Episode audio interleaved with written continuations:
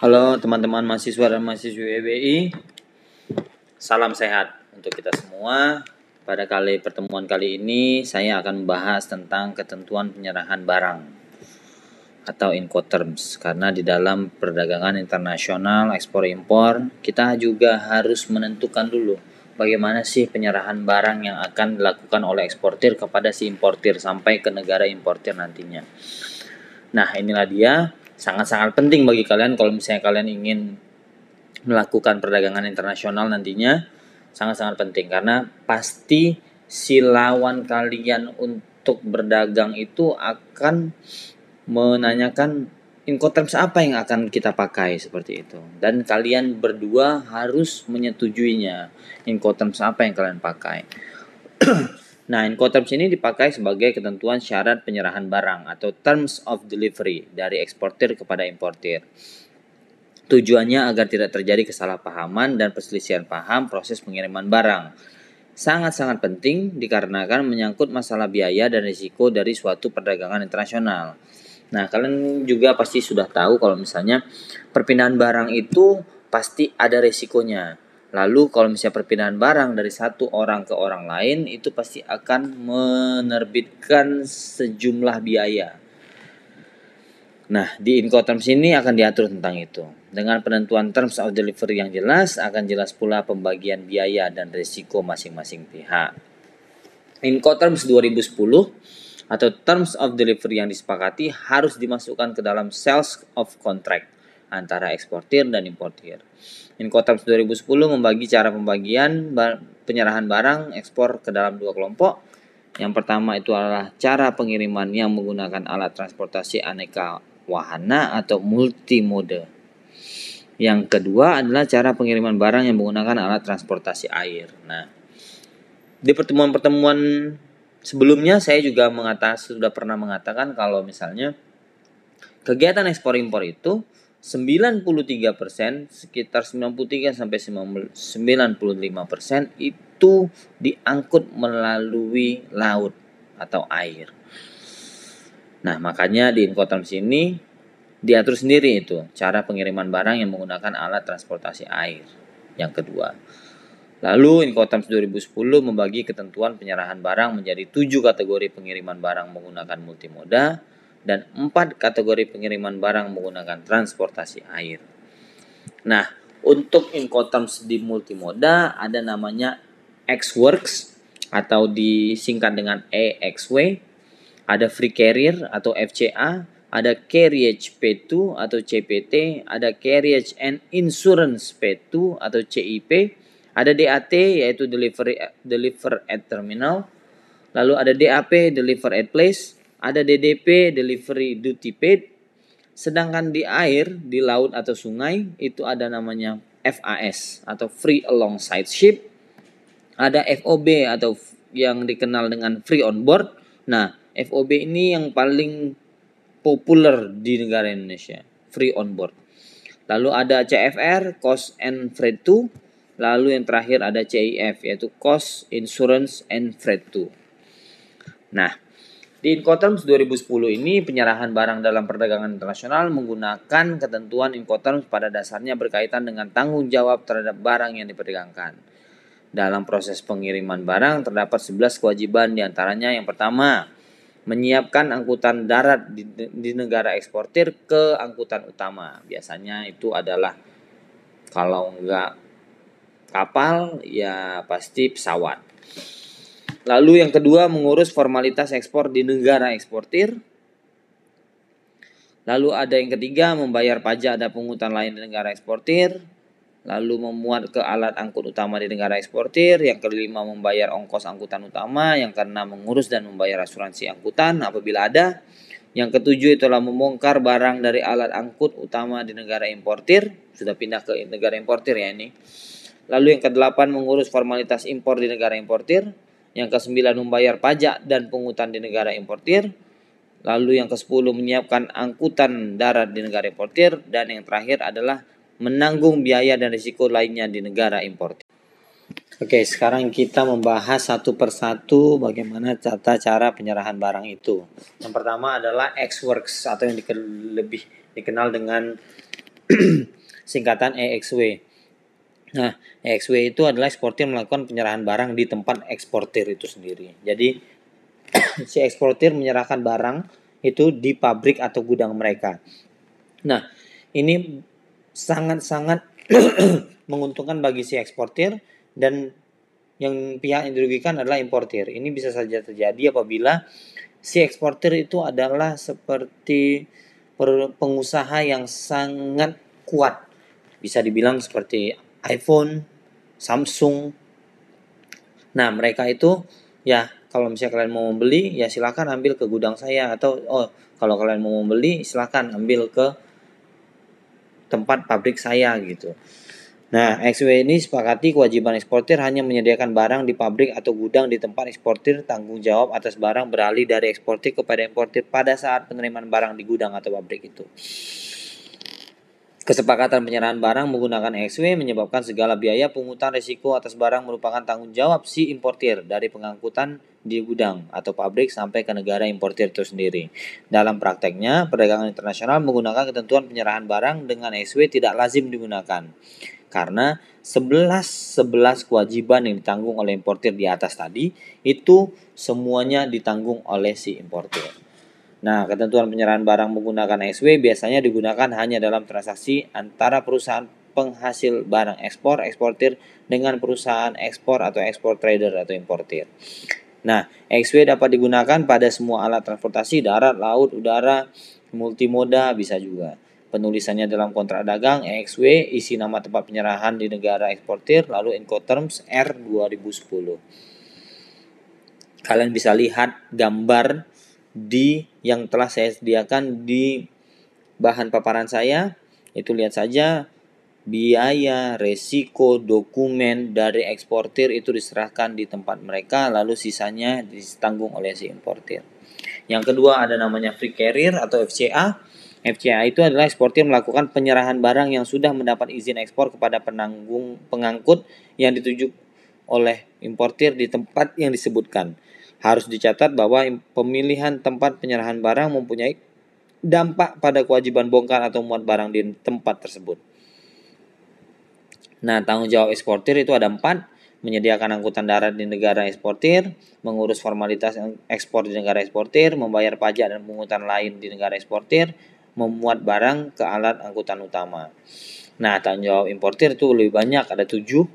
Yang pertama membayar ongkos alat angkut utama, asuransi angkutan itu harus ditanggung juga, membayar biaya bongkar dari alat angkut utama, mengurus formalitas impor di negara importir, membayar pajak dan pungutan lain di negara importir, angkutan darat di negara importir, biaya dan risiko lainnya di negara importir. Nah, FCA ini dapat digunakan untuk jenis alat angkutan darat, udara, dan multimoda, tidak untuk laut. Penulisan dalam kontrak dagang FCA isi nama tempat penyerahan di negara eksportir Incoterm R 2010. Saya sudah berikan juga gambarnya, silakan dilihat. Lebih mudah kalian melihat kalau misalnya melihat di gambar.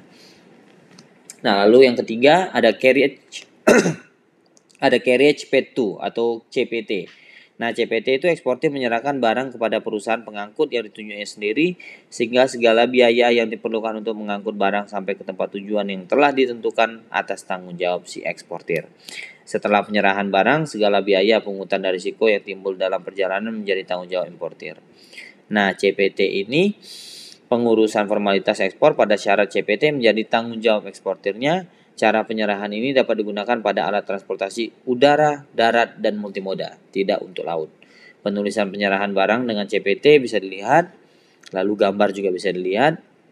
Nah, resiko ini berpindah pada saat telah diangkut oleh angkutan darat.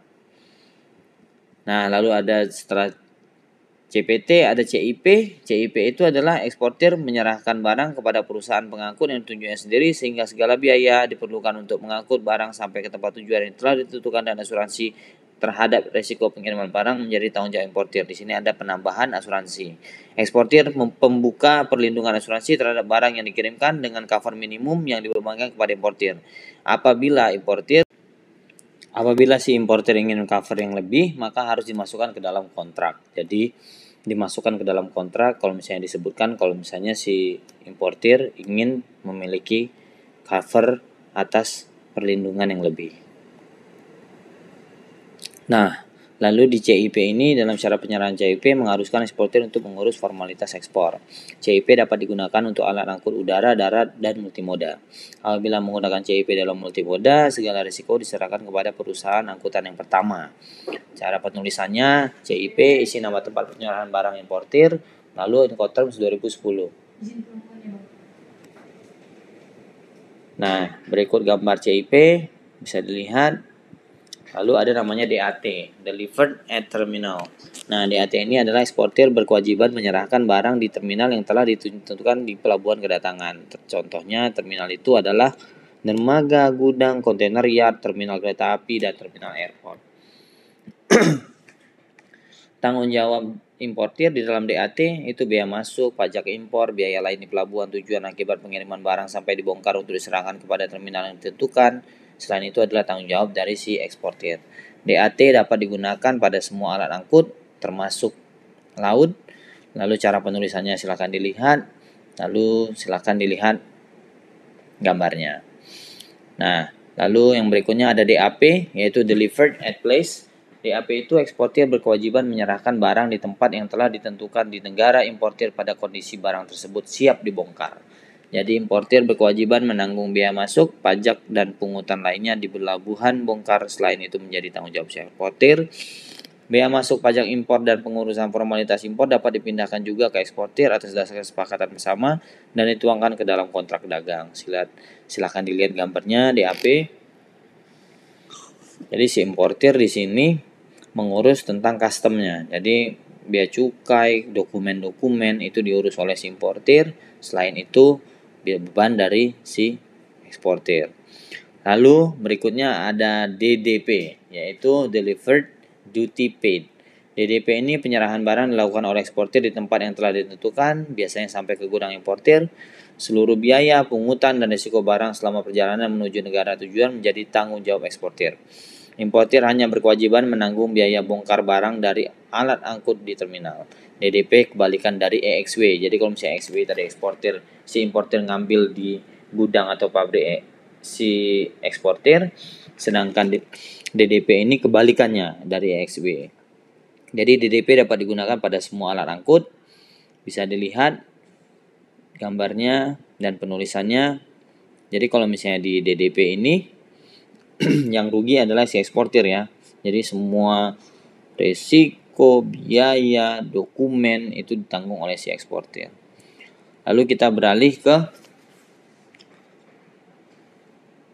laut. Nah, FAS, Free Alongside Ship atau FAS itu adalah eksportir menyerahkan barang di samping kapal pengangkut pada pelabuhan keberangkatan. Eksportir berkewajiban atas pengurusan formalitas ekspor dan menanggung seluruh biaya dan pungutan yang timbul dari pengiriman barang sampai ke samping kapal pengangkut. Risiko berkerusakan barang yang ditimbulkan setelah penyerahan tersebut menjadi tanggung jawab si importir.